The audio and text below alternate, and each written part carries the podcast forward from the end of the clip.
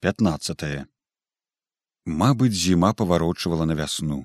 Мінулі завеі, удзень пацяплела, на падворку добра падтайвала. А ўначы браўся ладны марозік, аж патрэсквала ў вуглах.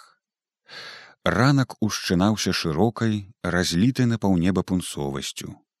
З-за лесу ў марознай смузе ускочвалася чырвонае кола сонца набірала сілы і яснела і неўзабаве даўжэзныя сінія цені ад дрэў пагоркаў слупоў выцягваліся цераз усё поле з аселым пасля адлігаў хрупасткім снегам. Марозная далячынь мроілася шараватаю просенню лесу размытай стракатасцю пералескаў кустоўя трыснягоў балацявін а поруч усё ярка ззяла бялела дарэзі ў вачах. Было па-святочнаму ціха і прыгожа. Сцепаніда, аднак мала любавалася прыгажосцю пагоднага ранку, мо нават і не прыкмячала яго. Яна прыпазнілася каля печы, не ўправілася са скацінай. Сказала петраку, што дарабіць, напаіць авечак, замяшаць курам, а сама пабегла цераз поле ў высілкі. Мякка бегла па лядзяной дарожцы ў старых лапленых валёнках і думала, што вернецца цяпер хіба ў поцемку была самая гарачка з калгасам які ўсё ж сарганізавалі тыдзень назад. Сядзелі да ранку але ўсё ж дамагліся. Большая палавіна высілак пагадзілася ўступіць. Мабыць новік праўду казаў. Раскулачыш аднаго іншыя задумаюцца задумаліся памеркавалі і пагадзіліся. Цяпер тры дні запар камісія па абагульванні хадзіла па дварах апісвала насенне інвентар коней збрую. Звычайна сцепаніда прыбягала ранічкай у сельсавет і адтуль іх чатыры чалавекі ішлі па вёсцы, нікога не мінаючы ў кожны двор. Праз жаночы плач страхавіта заклапочаныя позіркі старых напружана прымоўклую дзіцячую ўвагу. Бралі ўсё на ўлік. Было трудна, але было трэба. Яна думала ў той дзень, што не застане старшыню ў сельсавеце, што мабыць прыйдзецца даганяць камісію дзе ў вёсцы. І дужа падзівілася калі адчыніўшы дзверы доўгая як абора псаломшчыкавай хаты убачыла ўсіх на месцы. Прымоўклы сядзеў за сталом лявон і насупраць каржакаваты мужик у чорным паўкажушку яго сусед карніла якога таксама выбралі ў камісію па абагульванні. Адвярнуўшыся да акна стаяў у сваім доўгім ваенным шынялі вася ганчарык было дужа накурана і сцюдзёна і панаваў нейкі спалох ці клопат які адразу адчула сцепаніда яна стрымана павіталася. Добрый дзень. Чорта ён добры сказаў лявон павёўшы на яе адным вокам. Паганы дзень! Сцепаніда не зразумела. А што? Надвор'ечка добрае? Аж занадта добрае. Ранняя вясна бярэцца. Але наво прачытай Ён падаў ёй невялічкі добра пакамечаны ўжо аркушак раённай газеты чырвоны араты. Не разумеючы яшчэ што, яна з натугай пачала чытаць рассыпаныя па старонцы загалоўкі. Вышэй сцяг індустрыялізацыі, на новыя рэйкі, план вывазкі дзелавой драўніны пад пагрозай зрыву. На другім баку быў невялічкі малюнак, чырвонаармеец шырока расставіўшы ногі пратыкае штыком тоўстага брухатага буржуя за шчэранымі зубамі не туды глядзіш сказаў карніла во у рагу! Сапраўды ў самым ражку газеціны не дужа вялікімі літарамі значыўся загаловачак. У слабацкіх высілках патураюць класаваму ворагу кулаку Сцепаніда ўпілася вачмі ў дробненькія літары заметкі і трохі шавелячы вуснамі пачала чытаць. У заметцы пісалася, што ў той час, як скрозь па краіне ідзе вострая барацьба з кулаком, як з класавым ворагам, у высілках гэту барацьбу ігнаруюць і раскулачылі толькі аднаго ворага, які меў наёмную сілу Івана Гужова. А наёмную сілу мелі яшчэ наступныя гаспадары багацька карніла які два леты наймаў бяднячку каландзёнак прузыну жаць збожжа. Прахорыха што тры гады запар наймае араць жаць і сеяць. Багацька владимир які наймаў малаціць. Усё гэта могуць пацвердзіць сведкі. Ніякай літасці класаваму ворагу. Такім заклікам канчалася тая заметка. Падпісана яна была загадкава проста селькор Сцепаніда зразумела, што было ад чаго апанурыцца гэтым мужчынам, асабліва карнілу, да і старшыні лявону. Ёй таксама зрабілася страшнавата. Яна нават хацела яшчэ раз прачытаць, каб упэўніцца, што ўсё зразумела правільна, але карніла ўзяў у яе газету. Ну бачыла, гэта я класавы вораг, А я патураю, з'едліва сказаў лявон. Сцепаніда прысела на лаву. Нечага яна не магла даўмецца, хоць напісанае ў газеце было праўдай, але ж куды яна вяла тая праўда заметкі, пра тое страшна было падумаць. І хто б гэта быў свалата, двума пальцамі скалечанай рукі стукнуў па стале лявон. А я вам скажу хто ягоная работа знервавана сказаў карніла і ўстаў ад стала ля акна павярнуўся ганчарык ладны ў сваёй чырвона-армейскай форме, паверх якой вісела на баку цяжкая кабура з наганам, красамоўная адзнака яго новай міліцэйскай службы. Паеду ў раён, я знайду хто. Няма чаго доўга шукаць, стаяў на сваім карніла. Каландзёнак гэта я вам кажу, магу закласціся на што хочаш. Можа і каландзёнак, сказаў лявон, Ён жа ў нас грамацей, але не тое галоўнае А што ж галоўнае гарачыўся карніла напісалі паклёп хіба ж гэта не важна у тым то і справа што не паклёп што праўда. Наймалі ж наймалі значыць наёмная сіла. У хаце ўсе змоўклі пазіраючы хто куды. Што такое наёмная сіла і якія яна цяпер мае вынікі было ўсім вядома. Сцепаніда таксама маўчала хоць і разумела што цяпер нешта трэба рабіць некаму скардзіцца ці што Праўда, у глыбіні душы яна яшчэ не магла паверыць у кепскае, бо тыя пералічаныя ў заметцы людзі хоць і наймалі памагчы па гаспадарцы. Але ж якія яны кулакі і не сабатажнікі нават, бо разам з усімі ўступілі ў калгас, а прахорыха проста старая бабылка, што дажывала свой век у струхлелай хаце. Ці ж ёй пад сілу было самой абрабіць і засеяць чатыры дзесяціны зямлі. Ну і наймала каго абрабіць поле з паловы ці трэцяй часці Дык які ж яна класавы вораг. Але дзе патап? запытаўся ганчарык. Збег шчанюк, ведае паганец, што цяпер яму далей звоч. Не сунімаўся карніла. Лявон прагна зацягнуўся апошнімі зацяжкамі з недакурка і са злосцю шпурнуў яго на падлогу. А я яму прытулак даў, у сельсавет пусціў, ну паганец, цяпер чакаю мяне. А што ты яму зробіш? спытаў карніла. Не выганіш жа, за праследаванне селькора крымінальная адказнасць напомніў ганчарык. За яго адказнасць а яму ніякай адказнасці. Наплёў і прэч з воза. А тут шавялі мазгой бойся думай што выйдзе. Мабыць жа гэтым не кончыцца. Мабыць не кончыцца.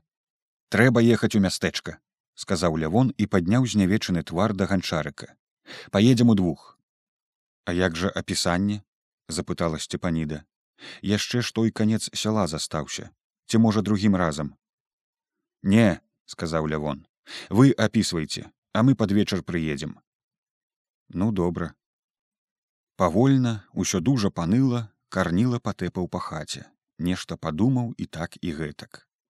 Ведама яму было не соладка. Працягнулі ў газету.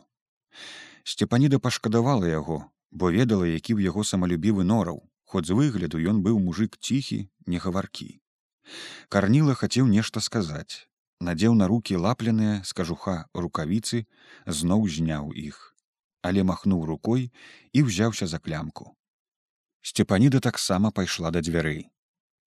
Так моўчкі карніла наперадзе а сцепаніда ззаду яны пайшлі вуліцай у дальні канец выселак што раскінуўся за пагоркам у нізінцы Карніла доўга маўчаў, шырока тупаючы па наледзянелым снезе ў чорных валёнках. Валёнкі былі яшчэ новыя, каляныя і здаваліся цяжкімі ў нязграбных клееных з тоўстай аўтамабільнай гумы галёшах. Канешне, ён часам наймаў, што памагчы, хоць на зямлю і быў небагаты, але быў ашчадны, любіў майстраваць і меў троху пчол. Казалі суседзі, што быў скупы і не любіў пазычаць не толькі вяскоўцам, але і родзічам ад калгаса не адмаўляўся уступіў разам з усімі. Лявон яшчэ меўся паставіць яго брыгадзірам бо карніла гаспадарыць умеў і быў рупны. Ды вот гэты допіс у газеце. Во кажуць кіраўнікі кіраўнікі сказаў ён павярнуўшыся да сцепаніды і тая подбегам дагнала яго. А я табе скажу горай за суседзяў нікога няма. Ніхто табе столькі шкоды не ўчыніць як твой сусед ну ведама ж пагадзілася сцепаніда бо ўсё блізка под бокам. Под бокам усё бачаць і заходзяцца ад зайздрасці. Асобенна яшчэ калі не геглы які няўдака такі не тады рады будзе калі сам коня купіць. А калі ў суседа конь здохне. Праўда знаю я такіх суседзяў. Ад іх кавалак хлеба трэба пад армяком есці а то пазайздросціць а зайздрасць яна бокам вылязае канешне ж не таму хто зайздросціць я не кулак не багаты. Зямлі не болей чым у другіх. Але я работу люблю і парадак. Не тое што другі. Кінуў рынуў пайшоў. Я калі ўзяўся дык давяду ўсё да ладу. Зямлю я яе лепей чым лусту хлеба дагледжу. Усе шнуркі на каленях выпаўзаю усе камочки ў пальцах ператру. Я ржавую драціну не абміну подбяру а як жа іначай у гаспадарцы? Ды во некаму вочы коле а няўжо гэта патап напісаў? Усумнілася сцепаніда. А то хто ж? Ён жа ў нас селькор. Памятаеш тады як на прахораху даказаў пра лён. Гэта сцепаніда памятала добра. Пра той учынак патапа каландзёнка можа з год гаманілі ў высілках, а то і ва ўсім раёне. Былі нават спрэчкі, которые маладзейшыя ледзь не загрудкі браліся са старымі, якія ганілі хлопца, а маладыя хвалілі, бо пра каландзёнка напісала тая ж газета, праславіла на ўвесь раён. Здарылася тое за летась позняю восенню, калі раён апынуўся ў прарыве пальназдачы. Лён не ўрадзіў, не вырас, бо з вясны засушыла. А здаваць трэба было. Мужикі з прэс сталі нядоімшчыкамі. За кругі з раёна адразу прыехалі аж два ўпаўнаважаныя. І разам з лявонам пачалі хадзіць па дварах выбіваць лён але што можна было выбіць калі ўсё паздавалі дагэтуль сабе не пакінуўшы ані каліва калаўроты і кросны той год стаялі без працы каб як выпаўсці з планам нават развівалі вяроўкі конскія путы ўсё здавалі як валакно У старой прахорахі, ведама, не знайшлося нават якой вяроўчыны, каб раскруціць. Упаўнаважаныя яшчэ пашкадавалі бедную бабыліху, якая ўсё плакала і наракала на лёс на сваю старасць і нездароўе. Але як толькі камісія выйшла з халоднай няпаленай хаты на двор, патапка каландзёнак, які заўжды круціўся каля начальства, падышоў да старшага ўпаўнаважанага, маладога мужчыны ў чорным бобрыкавым паліто і шапнуў, што ў пустым хляве ў бабкі схаваны лён. Спярша яму не паверылі, зазірнулі ў пусты з расчыненымі дзвярыма хлеў. І патапка, узлезшы на бэльку, выцягнуў з-пад страхі тры куксы выдатнага гладкага кужалю. Гэта быў сабатаж. І хоць прахорыха апраўдвалася, што ўшчэнт абнасілася, што тое ёй для сподняга на смерць, склалі пратакол і хацелі судзіць але неяк абышлося з судом мусіць усё ж пашкадавалі бабулю а пра класавую пільнасць патапа каландзёнка напісала раённая газета чырвоны араты во пасля таго выпадку лявон і пусціў у сельсавецкую хату каландзёнка з маткаю якія жылі да таго ў лазні самога ж патапа ў вёсцы сталі клікаць селькор адны з пахвалой і зайздрасцю а другія з насмешкай Што ж датычыцца патапа, дык мусіць ён зразумеў гэта па-свойму. І яшчэ разы два ў газеце паявіліся кароценькія заметкі пра высялкоўцаў. Адна, што ў вёсцы добра працуе лікбез, а другая пра збор попелу на ўгнаенне. Яны падышлі да скасабочанай пад трухляваю страхой хаты. Карніла пакратаў зачыненыя знутры веснічкі, тут жыў багацька барыс мнагадзетны бядняк які аднак ці не апошні на сходзе запісаўся ў калгас і адразу знік з вёскі. Казалі некуды з'ехаў. Веснічкі ніяк не адчыняліся. Тады карніла так трасянуў іх што тыя ледзь не паваліліся разам са слупкамі і расчыніліся яны абое зайшлі на засмечаны саломай і трухой зруднелы ад памыяў падворак. Праз халодныя сені ўвайшлі ў хату. Дзень добры! Ці ёсць тут хто падаў голас карніла. Не адразу з-за печча выткнулася лізавета барысава жонка з паспешна захінутым нейкаю радюшкай малым на руках які туліўся мурзатым тварыкам да пустой лізаветінай сіські з чырванелымі мабыць ад плачу вачмі лізавета ўставілася ў захожых. Лізаветка мы апісаць што ў калгас абабшчаствляць падлягае стараючыся як мага ласкавей сказала сцепаніда. Лізавецін твар ад тых слоў пыхнуў з нянацкім гневам. Апісваць? Апісвайце! Во іх апісвайце! Маня тэкля гануля усе сюды! Во іх бярыце карміце ў сваёй камуне з-за печча да маці кінуліся дзве басаногія малыя ў заношаных каптаніках ухапіліся за брудную спадніцу. Саромеючыся выйшла старэйшая гануля і таксама пазіраючы з-пад лба стала за маці. У падпеччы чуваць было спуджана кудахталі куры смярдзела чымсь непрыемным і было дужа няўтульна ў запушчанай хаце ладно сказаў карніла ты тут нам шпектакль не строй. Дзе барыс а я знаю дзе той барыс. Мне не сказаў. Калі ў калхоз запісаўся дык яго і апісвайце. А я не пайду і каровы не дам. Карова моя у пасах бацька выдзеліў не маеце права адбіраць. Ды сціхні ты лізавета зазлавала і сцепаніда каровы мы пісаць не будзем. Запішам толькі коня ну і вупраж. Сямяны тоже. А няма сямян. І коня тоже няма. Як гэта няма? Настырчыўся карніла быў жа конь вараны. Быў ды няма сплыў вояк сплавілі продалі хоць бы і продалі выцерла слёзы лізавета. А што ж дарма ў камуну аддаваць? Ці нам яго хто дарма даў? Грошы плацілі. Дурная ты як стаптаны бот помаўчаўшы зазлаваў карніла. Вой пастрой з такімі калхоз. Перш табе б розуму набрацца культуры якой навучыцца ва ў хаце не прыбрана дзеці замурзаныя. Гультайка ты а маладая яшчэ. Толькі малых раджаць болей а нічога не варта. Якая ёсціка? Ідзі паказвай што дзе каб мы не тыцкаліся як зладзеі. А не буду нічога паказваць самі глядзіце. Яна пачала хутаць у радюшку малога зусім безуважная да іх. І карніла не стрываўшы плюнуў пад ногі. Ну глядзі апішам. Тады не наракай удваіх са сцепанідай яны зноў выйшлі на забруджаны ўшчэнт падворак. Карніла агледзеўся. Дзе тут у іх што? Там варыўня здаецца але не паспеў ён павярнуць да старой з выкрышанымі вугламі будыніны як з вуліцы пачуўся задыханы дзіцячы голас. Дядзька карніла татка сказаў каб вы ў сельсавет ішлі абвязаная пад пахі хусткай па той бок веснічак стаяла меншая лявонова дачушка волечка зірнуўшы на яе чырванелы ад бегу твар сцепаніда зразумела штось сталася. Чаго яму там закарцела насцярожыўся карніла. Ай там прыехаў ну з мястэчка дзядзька такі з чорным каўняром. Касмачоў? Ну і яшчэ другі з ім. Дыктатка сказаў карніла адразу пазмрачнеў з твару нешта трохі падумаў і з роспаччу вылаяўся. Ядры яе маць так я і ведаў болей ён не казаў нічога. Валюхаста прыпусціў па наледзянелай вуліцы і сцепаніда ледзьве паспявала за ім.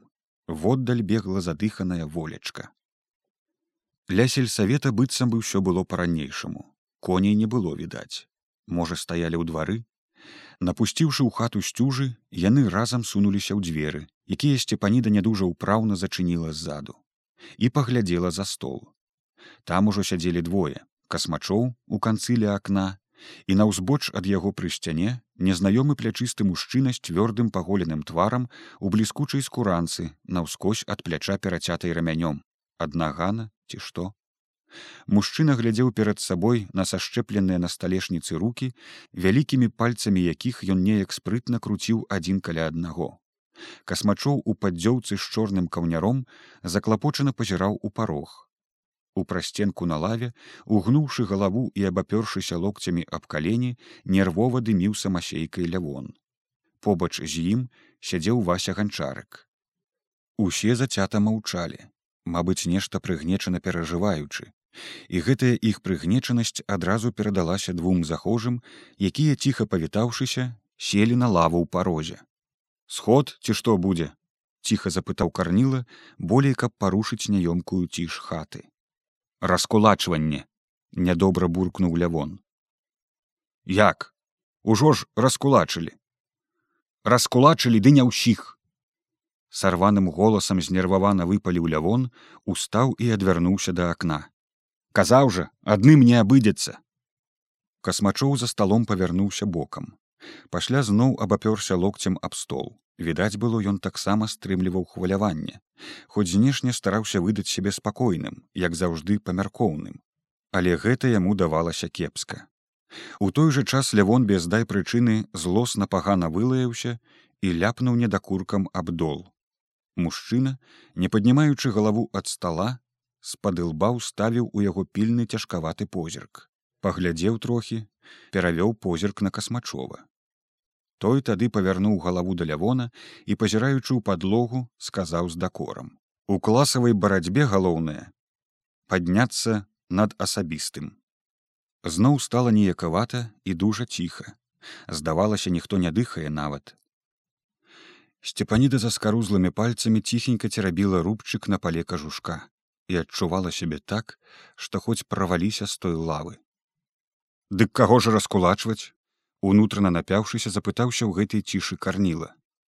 Лявон са здзічэлым спрытам адскочыў ад акна. А тых што наёмны труд мелі што ў газеце працягнуты уразумеў? Крыкнуў ён і было незразумела чаго ён так вызверыўся ад злосці або ад спачування. Карніла сцяў шырокія пашчэнкі паволі апусціў долу твар. Пасядзеўшы трохі устаў і памалу пабрыў да дзвярэй як дзверы за ім зачыніліся сцепаніду нібы працяло болем ад думкі. Што ж гэта робіцца? Што і яго запыталася яна звяртаючыся да ўсіх. Голас яе напяўся ў нервовай узрушанасці і гэта ўсе адчулі. І яго і ладзіміра і пракопіху кінуў лявон. Раскулачыць? А няго ж прыміраваць? Яе ўсю хапіла нейкая ўнутраная гарачка плечы адразу спатнелі вочы заслала невідушчым туманам. Хвіліну яна не ведала, што сказаць ім і што падумаць самой. А яны ўсе тут, мужчына за сталом, касмачоў ля яго, аднавокі лявон і нават ганчарык, з нейкай напружанай увагай знямелі і толькі чакалі, што скажа яна. І яна, дужа не ўладца сваімі пачуццямі, зарагатала, нядобрым нервовым рогатам, якога аж сама спалохалася, бо адчула, што гэты яе смех вось-вось абарвецца нечым жахлівым. Дурні вы! раптоўна прыцяўшы смех выпаліла яна. Ёлупы, каго раскулачваеце, тады ўсіх раскулачваеце, усіх да аднаго і калгаса не трэба будзе і ніякага клопату. Давайте ўсіх і мяне таксама парабчанку пана ехімоўскага і яго вунь беззямельнага ганчарыка усіх да звання! Яе трэсла быў ліхаманцы. Змутнелым позіркам яна нікога не бачыла ў хаце. Яна думала што затрасуцца і яны ад яўнай бязглуздзіцы іхняга намеру ад такой відавочнай несправядлівасці. Але яны спакойна сабе сядзелі як пні нязрушна упэўнена і тады ёй зрабілася блага ад страты ўлады над сабой. Ціха цётка сапраўды дужа спакойна сказаў касмачоў. У палітыцы патрэбна паслядоўнасць якая паслядоўнасць ускочыла яна з лавы болей за ўсё ўзрушаная гэтым яго разумным спакоем. Якая паслядоўнасць? А справядлівасць не трэба? Калі ўжо да беднякоў дайшло дык хіба справядліва вы разумныя людзі хіба вы не бачыце? Але ж спытайцеся ў мужикоў у якога цёмнага деда спытайцеся. Ён скажа вам так жа нельга нельга каб свае сваіх. Ці вы ўжо здурнелі там ад навукі? Не бачыце? Гэта ж усе людзі навокал бачаць. А вы яна крычала нязладна і блытана пераскокваючы з крыўды на злосць болей звяртаючыся аднак да таго незнаёмага мужчыны ў чорнай скуранцы Яна хацела, каб ён чужы чалавек і, мабыць, нейкі начальнік зразумеў, што робіцца несправядлівасць і заступіўся. Яна верыла ў справядлівасць і дужа хацела верыць, што справядлівасць зараз жа пераможа крыўду. Але ў хаце ўсе маўчалі, маўчаў і гэты мужчына, упарта хаваючы вочы. Нават не зірнуў на яе. Тады яна закрычала яшчэ гучней. гэта ж ашалець трэба лявон ты ж свой тутэйшы. Як жа можна так? Трэба кудысьці ісці скардзіцца. Трэба ў москву ехаць да самога калініна. Ён жа павінен заступіцца. Нельга ж так. Не па-людску гэта не па-бальшавіцку. Гэта ж перагіб. А ну цётка ціха. Ужо нядобра гыркнуў касмачоў. Таварыш ганчарык што стаіцё супакойце гражданку. Вася павярнуўся да акна і на ягоным твары адбілася такая пакута і такая разгубленасць, што сцепаніда трохі абцішэла. К чорту ўсіх вас рабіце што хочаце, але без мяне. Яна павярнулася і шыбанула ў дзверы, размашыста бразнула імі знадворку. Дзверы не зачыніліся. Тады падумаўшы, яна вярнулася і прычыніла іх. Яна бегла ў таптанай дарогай у сваю яхімоўшчыну, і слёзы цяклі па яе зяблых шчоках а ўнутры ў яе ўсё галасіла і яна не ведала што рабіць. Яна толькі адчувала з незвычайнай выразнасцю што зараз жа трэба нешта зрабіць некуды бегчы звяртацца да некага. Але куды бегчы і да каго звяртацца? А можа да новіка? Усё ж свой вясковы. І цяпер вялікі начальнік. Ён жа тады вёў гаворку пра аднаго гужа іншых не памінаў. Ён павінен ведаць гэтых людзей якія ж яны кулакі паскардзіцца хай скасуе гэты загадна раскулачванне. Мала што напісала газета. Паглядзець хто напісаў у газету. Падшыванец гэты няўклюда лягчоная не хлопец ні дзеўка паскуда адна. Дык яго слухацца. Сцепаніда прыбегла на хутар зазірнула ў хлеў дзе звычайна корпаўся ля скаціны пятрок. Але петрака цяпер не было і саней не было пры хляве. Ці не паехаў па дровы Даўно збіраўся і казаў, пакуль не адабралі каня, трэба навазіць дроў. Хай возіць. Яна забегла ў хату.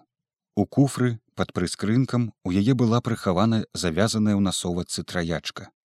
Берагла на які пільны выпадак, але, мабыць, пільнейшага ўжо не будзе. Падумаўшы, ухапіла яшчэ кошычак, кінула туды свяжэйшую хусцінку, адрэзала лусту хлеба няблізкі свет полацк калі дабярэшся да яго але з мястэчка нехта паедзе. Забегчы далей бы ён балагол можа адвязе. Не хопіць грошай каб заплаціць попрасіць у доўг. Пасля можа заплоціць яйкамі ці яшчэ чым. Лейба чалавек добры мог і пачакаць да вясны ці да лета не паднімаў верхал як іншыя. Было ўжо не ранна. Сонца асела ў хмару на захадзе мароз апаў уначы ці не паверне на адлігу.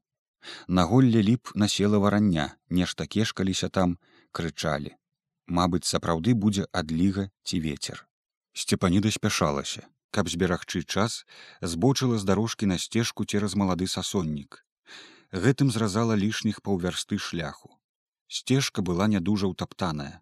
Некалькі пар ног пратупалі ў снезе. Але цяпер пасля адлігі ў мароз снег трымаў добра толькі ў самым сасонніку быў рыхлаваты і яна правалілася разы два. Стала горача. Трохі распусціла каляшы і хустку. І то ўгінаючы галаву ад хвойнага сучча то ўхінаючыся ў бок сама прабіралася так у самым гушчары да гасцінца і думала каб хоць застаць дома лейбу а то можа з'ехаў куды. Тады трэба будзе ці начаваць ці вяртацца на хутар Яна ўжо гатова была збегчы з прыгорачка на ўезджаны шлях гасцінца, як у прыдарожных сасонках наперадзе кагось згледзела. Было, аднак цемнавата, вечарэла. Нехта прыгнуўшыся, шаснуў ад яе ў бок, а другі, вялікі мужчына ў караткаватым паўкажушку і чорнай калматай шапцы ступіў ёй насустрач. Куды сцепаніда? Неяк дужа спакойна гукнуў ён і яна адразу пазнала малодшага гужовага сына зміцера. Гужоў тыдзень назад раскулачылі, забралі набытак, але пакуль што нікуды не вывезлі, казалі чакаюць вагоны. Цяпер гэты з гужоў заступіў ёй сцежку і яна стала, не ведаючы, што адказаць яму. Куды разбеглася пытаю у мястэчка, а табе што? Чаго гэта ў мястэчка? Ну дело ёсць. Дело напроціў ночы, Ну а што? А тое што пойдзеш назад. Поняла гэта чаго? Што мне ў мястэчка нельга? Гуш падышоў бліжэй. Можа думаў што яна павернецца ад яго саступіць са сцежкі. А яна не павярнулася і не саступіла. Яна гневна глядзела ў яго мусіць не надта цвярозы малады яшчэ твар з белымі брывамі. Твар, як не дзіўна, не выдаваў нічога, ні асаблівай злосці, ні строгасці, ніякой пагрозы. Толькі вочы былі дужа пільныя і сцюдзёныя. Там што? кіўнуў ён на кошык, і перш чым яна паспела адказаць, выхапіў кошык з рук. Хустка, хлеб, а гэта грошы, грошы спатрэбяцца, Ён запіхаў у кішэнь чорных брыджаў яе насовачку з пакамечанай траячкай і раптам азвярэла вылаяўся. А цяпер бягом, на хутар бягом, акцявістка я дрыт тваю такую. Што ты робіш, што робіш, я закрычу на хабнік ты, раз'юшылася і сцепаніда. Тады гуш саўгануў чымсь пад палой кажушка і тыцнуў у грудзі ёй рулей. Так, Гэта была каротенькая чарнаватая руля без мушкі. Яна ўвапхнулася ў кажушок насупраць сэрца. Вялікая гужова рука туга ашчаперыла абрэзаную дзеравяшку ложа. Тваё шчасце радня што, а то паняла? Так, мабыць, яна паняла, тым болей, што ў хвойнічку непадалёк, трошкі шавелічыся і шавелічы галінкі, стаілася і яшчэ адна цьмяная постаць. Пільна сачыла за іхняй сутычкай на сцежцы. Сцепаніда павярнулася і пайшла сцежкай у глыб хвойніку да хутара, ні разу не азірнуўшыся і трошкі баючыся стрэлы ў спіну. Ведала, зміцер быў здольны на ўсё. Бывала падлеткам абтрасаў сады, глуміўся з меншых, пляжы ў гародніну ў высілках. Калі ў суседа карнілы завёўся сабачка, які не даваў гужу разбойнічаць паначы, дык той злавіў яго, удушыў і павесіў у карнілы на шуле гэты літасці не меў адроду не тое што ягоны рупны добры і гаспадарлівы старэйшы брат ці нават строгі але спакойны набожны бацька які даводзіўся нейкай раднёй петраку. І каб нікому не слова поняла а то пеўніка пад стрэжку. Ты мяне знаеш данеслася ўжо здаля. Зноў яна нібы пабіты сабака ішла ў свой хутар і душылася ад слёз адчаю крыўды і бяссілля нікуды не паткнуцца. Яе абрабавалі як якога дурня за вярсту ад жытла, адабралі апошні рубель і хто. Зноў жа свой чалавек, якога яна яшчэ смаркачом гразілася некалі абстрыкаць крапівой за тое, што крыўдзіў малых на выгане. Цяпер не абстрыкаеш. Цяпер стрыкаецца ён, ды так, што адпякае душу. Не шкада ёй было тае траячкі, але во нахабна так пагразіўся, і яна мусіла слухацца, бо што яна зробіць. Калі ён пайшоў на такое, яму нядоўга і падпаліць сядзібу ці забіць дзе ў хвойніку. Ну але тады што? Трываць, трываць было не ў яе характары, мусіць яна ўсё ж на нешта наважыцца, нешта зробіць. Найперш яна раскажа петраку, а заўтра збегае да ганчарыка ў сельсавет. Усё ж ёсць савецкая ўлада, знойдзецца нейкае ўправа на тых разбойнікаў у лесе. Калі яна дабрыла да хутара, ужо сцямнелася. У намерзлым акенцы мірна блішчэў чырвоны агенчык. Дзеці сядзелі пры стале за ўрокамі. Пятрок паіў на падворку каня, мусіць толькі што выпражанага з саней, якія стаялі каля дрывотні з некалькімі тоўстымі сухадрэвінамі, ці не збарання галогу. Цяпер будзе чым у волю напаліць печ, мабыць, хопіць да цёплага.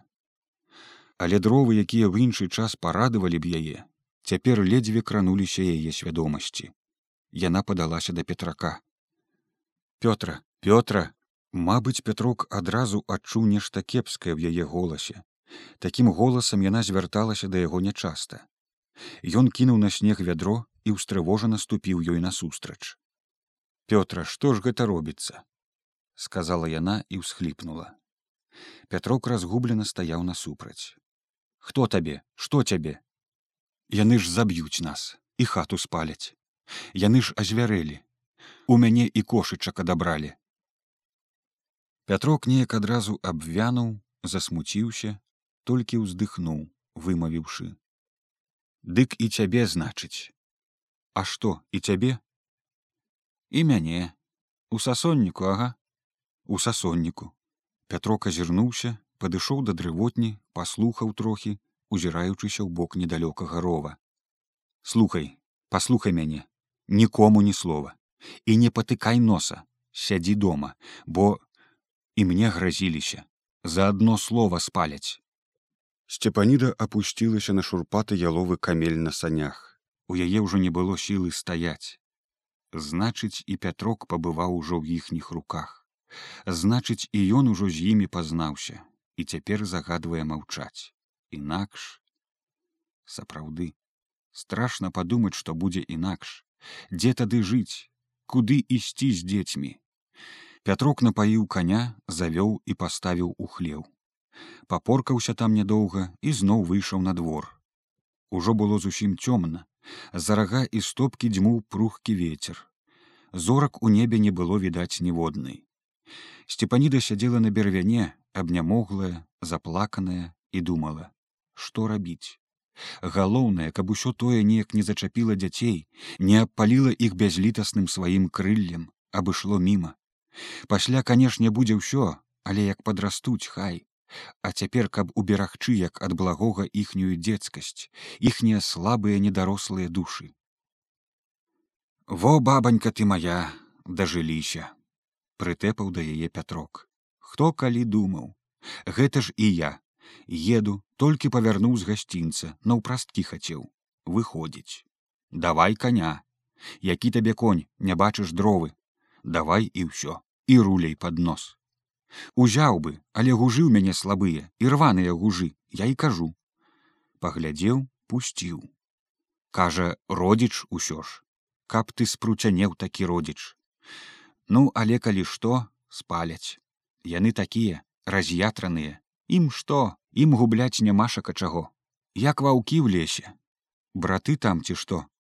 А чорт іх ведае але не адзін я ж бачыў дык што ж маўчаць? А што ж яшчэ жаліцца? Дык пашкадуй дзяцей. Сцепаніда маўчала. Дзяцей яна пашкадуе канешне але хто пашкадуе яе? З яе наглуміліся цяпер яна будзе глуміцца сама з сябе трываць калі не трываецца маўчаць калі знутра рвецца крык. Хіба гэта па-людску? Усю тую доўгую ветраную ноч яна не заплюшчыла вока ляжала як дзеравяная на палку пры печы думала. Думы былі бясконцыя цяжкія беспрасветныя з безліччу пытанняў на якія яна не знаходзіла адказаў нешта ў свеце заблыталася перамяшалася. Зло з добром ці адно зло з другім яшчэ большым злом. Ці можа ў ёй самой што змянілася перайначылася надламілася спапялела спрахнула. Яна шмат чаго не разумела але добра адчувала адно. Так не павінна быць. Не па-чалавечы гэта. Значыць нешта трэба рабіць. Не ляжаць не чакаць не мірыцца. Заўтра ж трэба бегчы ў высілкі у мястэчка у акругу ў полацк дайсці да добрых людзей. Не магло ж таго быць, каб недзе там наверсе не было разумных людзей, якія зробяць як трэба, дамогуцца справядлівасці і адвядуць бяду. Гэтыя не маглі ці не ўмелі, або не хацелі ці не разумелі чагось. Значыць, трэба вышэй. Перад яе вачмі ўсё стаяў новік, як ён тады патрабаваў раскулачыць. Але ж аднаго гужова. Пра іншых ён не казаў нічога. Яна не галасавала супраць гужова, і пасля дужа шкадавала старых гужовых. Але цяпер, пасля ўчарашняй сутычкі ў сасонніку з іхнім зміцерам, жаласць да іх у яе прапала. Хай раскулачваюць. Хай вывозяць з вёскі гэтага звер'ядаўца, каб яго і духу тут не было. Без яго тут будзе спакойней. Але ж за што іншых? Пра іншых яна не магла думаць без болю ў душы, асабліва пра анютку ладзіміраву, старую прахорыху, ды і карнілу, З карнілам у яе здаўна былі асаблівыя адносіны, якія колісь ледзьве не сталі агульным іх лёсам. Праўда, не сталі. Яна тады была дзеўкай, рабіла ў старога ехімоўскага, жыла ў высілках, але на працу кожнага дня бегала ў ехімоўшчыну. Уставала раненька на зары і цераз бальшак шыбавала на хутар. Трэба было падаіць дзвюх кароў, выгнаць на пашу, нарыхтаваць корму свінням гусям якіх тут быў немалы статак што пасвіўся лярова на ржышчы клопату было шмат на хутарской сядзібе але нямоглыя хімоўскі амаль што не ўлазіў у гаспадарчыя справы вохкаў сабе ў запечку і яна гаспадарыла як знала. Апроч яе на хутары былі яшчэ парабкі але тыя рабілі ў полі да якога яна амаль не мела адносін. Ёй хапала адной сядзібы хаты жывёлы якая не давала перадыхнуць ні зімой ні ўлетку. Нямёт быў той хутар але што яна магла без зямлі без пасагу? Бедная прыжывалка ў няласкавай мала шчаслівай братавай сям'і аднойчы яна трохі запазнілася ўстаць і таропка бегла па роснай сцяжыне ў бульбоўніку цераз гароды. Мінаючы сядзібу карнілы пачула ягоны голас з падворка на якім гойсала наравістая карнілава карова не давалася з сабой зладзіць. Згод перад тым карніла аўдавеў застаўся з двума малымі жаночую справу па гаспадарцы рабіў усю сам не дужа ўмела а часам няўклюдна і бабы ў вёсцы смяяліся як ён мые бялізну ці месяць хлеб. Некаторыя па-добраму спачувалі яму. Сцепаніда спынілася ужо зразумеўшы што карова не даецца даіць. Карніла бегаў за ёй здаёнкай падлашчваўся і гразіў але нічога ў яго не выходзіла. Тады з пэўнай няёмкасцю яна ўвайшла ў вароты і палашчыла ўстрывожаную карову тая адразу паспакайнела карніла вынес сянец лусту хлеба пасыпаную соллю і сцепаніда ўзялася даіць малака было не так многа яна хутка выдаіла яго і смеючыся падала гаспадару даёнку але карніла даёнку не ўзяў а неяк пагрозліва насунуўся на яе. Дужы малады мужик у расшпіленай на шырокіх грудях кашулі, прысадзісты і рукасты. Сцепаніда ажно спалохалася трохі, але тут жа згледзела, што ў ягоных пацямнелых вачах была такая бездапаможнасць, амаль разгубленасць, што яна адвяла яго руки і засмяялася. Ты што, карнілка, апомніся. Мабыць, гэта яго працверазіла, ён адышоўся ад жанчыны і адвярнуўся да тыну пастаяў крыху, загароджваючы аднак праход у варотцы, і яна ўжо сумелася была, што рабіць. Зноў павярнуўшыся да яе, ён сказаў гэтак сумна: « Вот каб мне за жонку цябе. Яна зноў засмяялася. Дык шлі сватоў, чаго ж ты? А пойдзеш, зноў настырчыў позірк карніла. Падумаю, можа і пайду, не знаю яшчэ. Яна і сапраўды не знала, хоць нічога не мела супраць яго. Карніла быў мужик спраўны, але ж удавец з двума малымі. А яна хадзіла ў дзеўках, з хлопцаў нікога на прыкмеце не мела. Ніхто яшчэ да яе не сватаўся. Што было ёй рабіць? Месяцаў колькі яна чакала, марыла рознае, уяўляла, аж зненавідзела сябе і карнілу. Ды сватоў ён так і не прыслаў. На мясаед прывёз кухналёў перастарку вандзю якая і загаспадарыла на карнілавай сядзібе. Сцепаніда трохі паплакала ў падушку і супакоілася, хоць і не забылася на той летні ранак на ягоным падворку. Можа, цяпер яму за тое пакаранне, Але ж не хіба за такое можна караць, А завошта тады караць ладзіміра, старую прахораху. Дый гужова таксама. Зрэшты, калі падумаць, дык можа ўсё і пачалося праз гэтага гужа. Калі б ён тады не заўпарціўся і каго выклікаў, дык бы не прыязджаў новік, не патрабаваў бы яго раскулачвання. І не раскулачылі б, калі б на галасаванне ганчарык не падняў руку і тым не зрабіў большасць. А не раскулачылі б гужа, не было б заметкі ў газеце. А тады што? Тады не чапалі б і гэтых. Але тады праз каго ўсё гэта, праз гужа, новіка, ці васілёву няўстойку, Дык няўжо ж ад адной толькі ягонай рукі так шмат залежала ў высілках, але во мусіць залежала. Проста страшна падумаць, як шмат бывае залежыць у жыцці ад аднаго толькі слова, рукі ці нават нейчага позірку, асабліва ў гэткі час. Якім трэба быць памяркоўным, ашчадным, справядлівым і добрым, бо тваё зло супраць некага можа абрынуцца з яшчэ большай сілай назад на цябе самога Тады ой як стане балюча. А перад тым, як ты валіў яго на суседа, ці балела табе. Часам бывае радасна, што цябе абышло, абмінула, усім цяжарам зваліўшыся на іншага. А як абрушыцца на цябе самога? Ранкам яна ўстала разбітая, ушчэнт растузаная сваімі думкамі. Трэба было збіраць у школу малых, а то б не ўставала. Хай бы пятрок карміў парсюка, авечак, добра карова яшчэ не цялілася, даіць не трэба было. Пры газніцы набірала чыгунок бульбы, запаліла ў печы. Дзеці яшчэ спалі. Салодка пасапваў у ранні федька, фенечка таксама сцішылася а то ўсю ноч неспакойна варочалася на ложку пятрок выйшаў на двор і мусіць забавіўся ля скаціны цяпер як заўважыла яна ён даўжэй чым калі раней бавіў час ля каня. Ведаў хутка прыйдзецца ім разлучыцца. Шкада было спраўнага маладога коніка якога год назад нажылі і цяпер аддаваць. Яна разумела петрака тым часам пачало днець зачыніўся золак у вокнах. У хаце было відна ад агню з печы і яна ўжо хацела была дзьмухнуць на газнічку як у акно пастукалі. Спярша яна падумала што гэта пятрок але не. Стук быў нейкі надта даўгі і рэдкі спалоханы ці што. Сцепаніда падумала калі што там жа недзе ў хляве гаспадар. Але яна падышла да акна і не адразу разгледзела за намёрзлай і падталай шыбкай жаночую постаць ля прызбы. Цётачка глухавата данеслася з-за акна як не з гэтага свету і яна пазнала анютку. Сцепаніда таропка расчыніла дзверы сянец анютка ўбегла ў хату і адразу упала на лаву заходзячыся ў ёкаце яе чорны сачок быў расшпілены хустка з'ехала на патыліцу светлая расплеценая каса рассыпалася па плячах. Ой цётачка ой бяда ж у нас! Яна ўжо здагадалася учора ў сельсавеце стала зразумела якая бяда насоўвалася на ладзіміра анютку і яе дарослых братоў.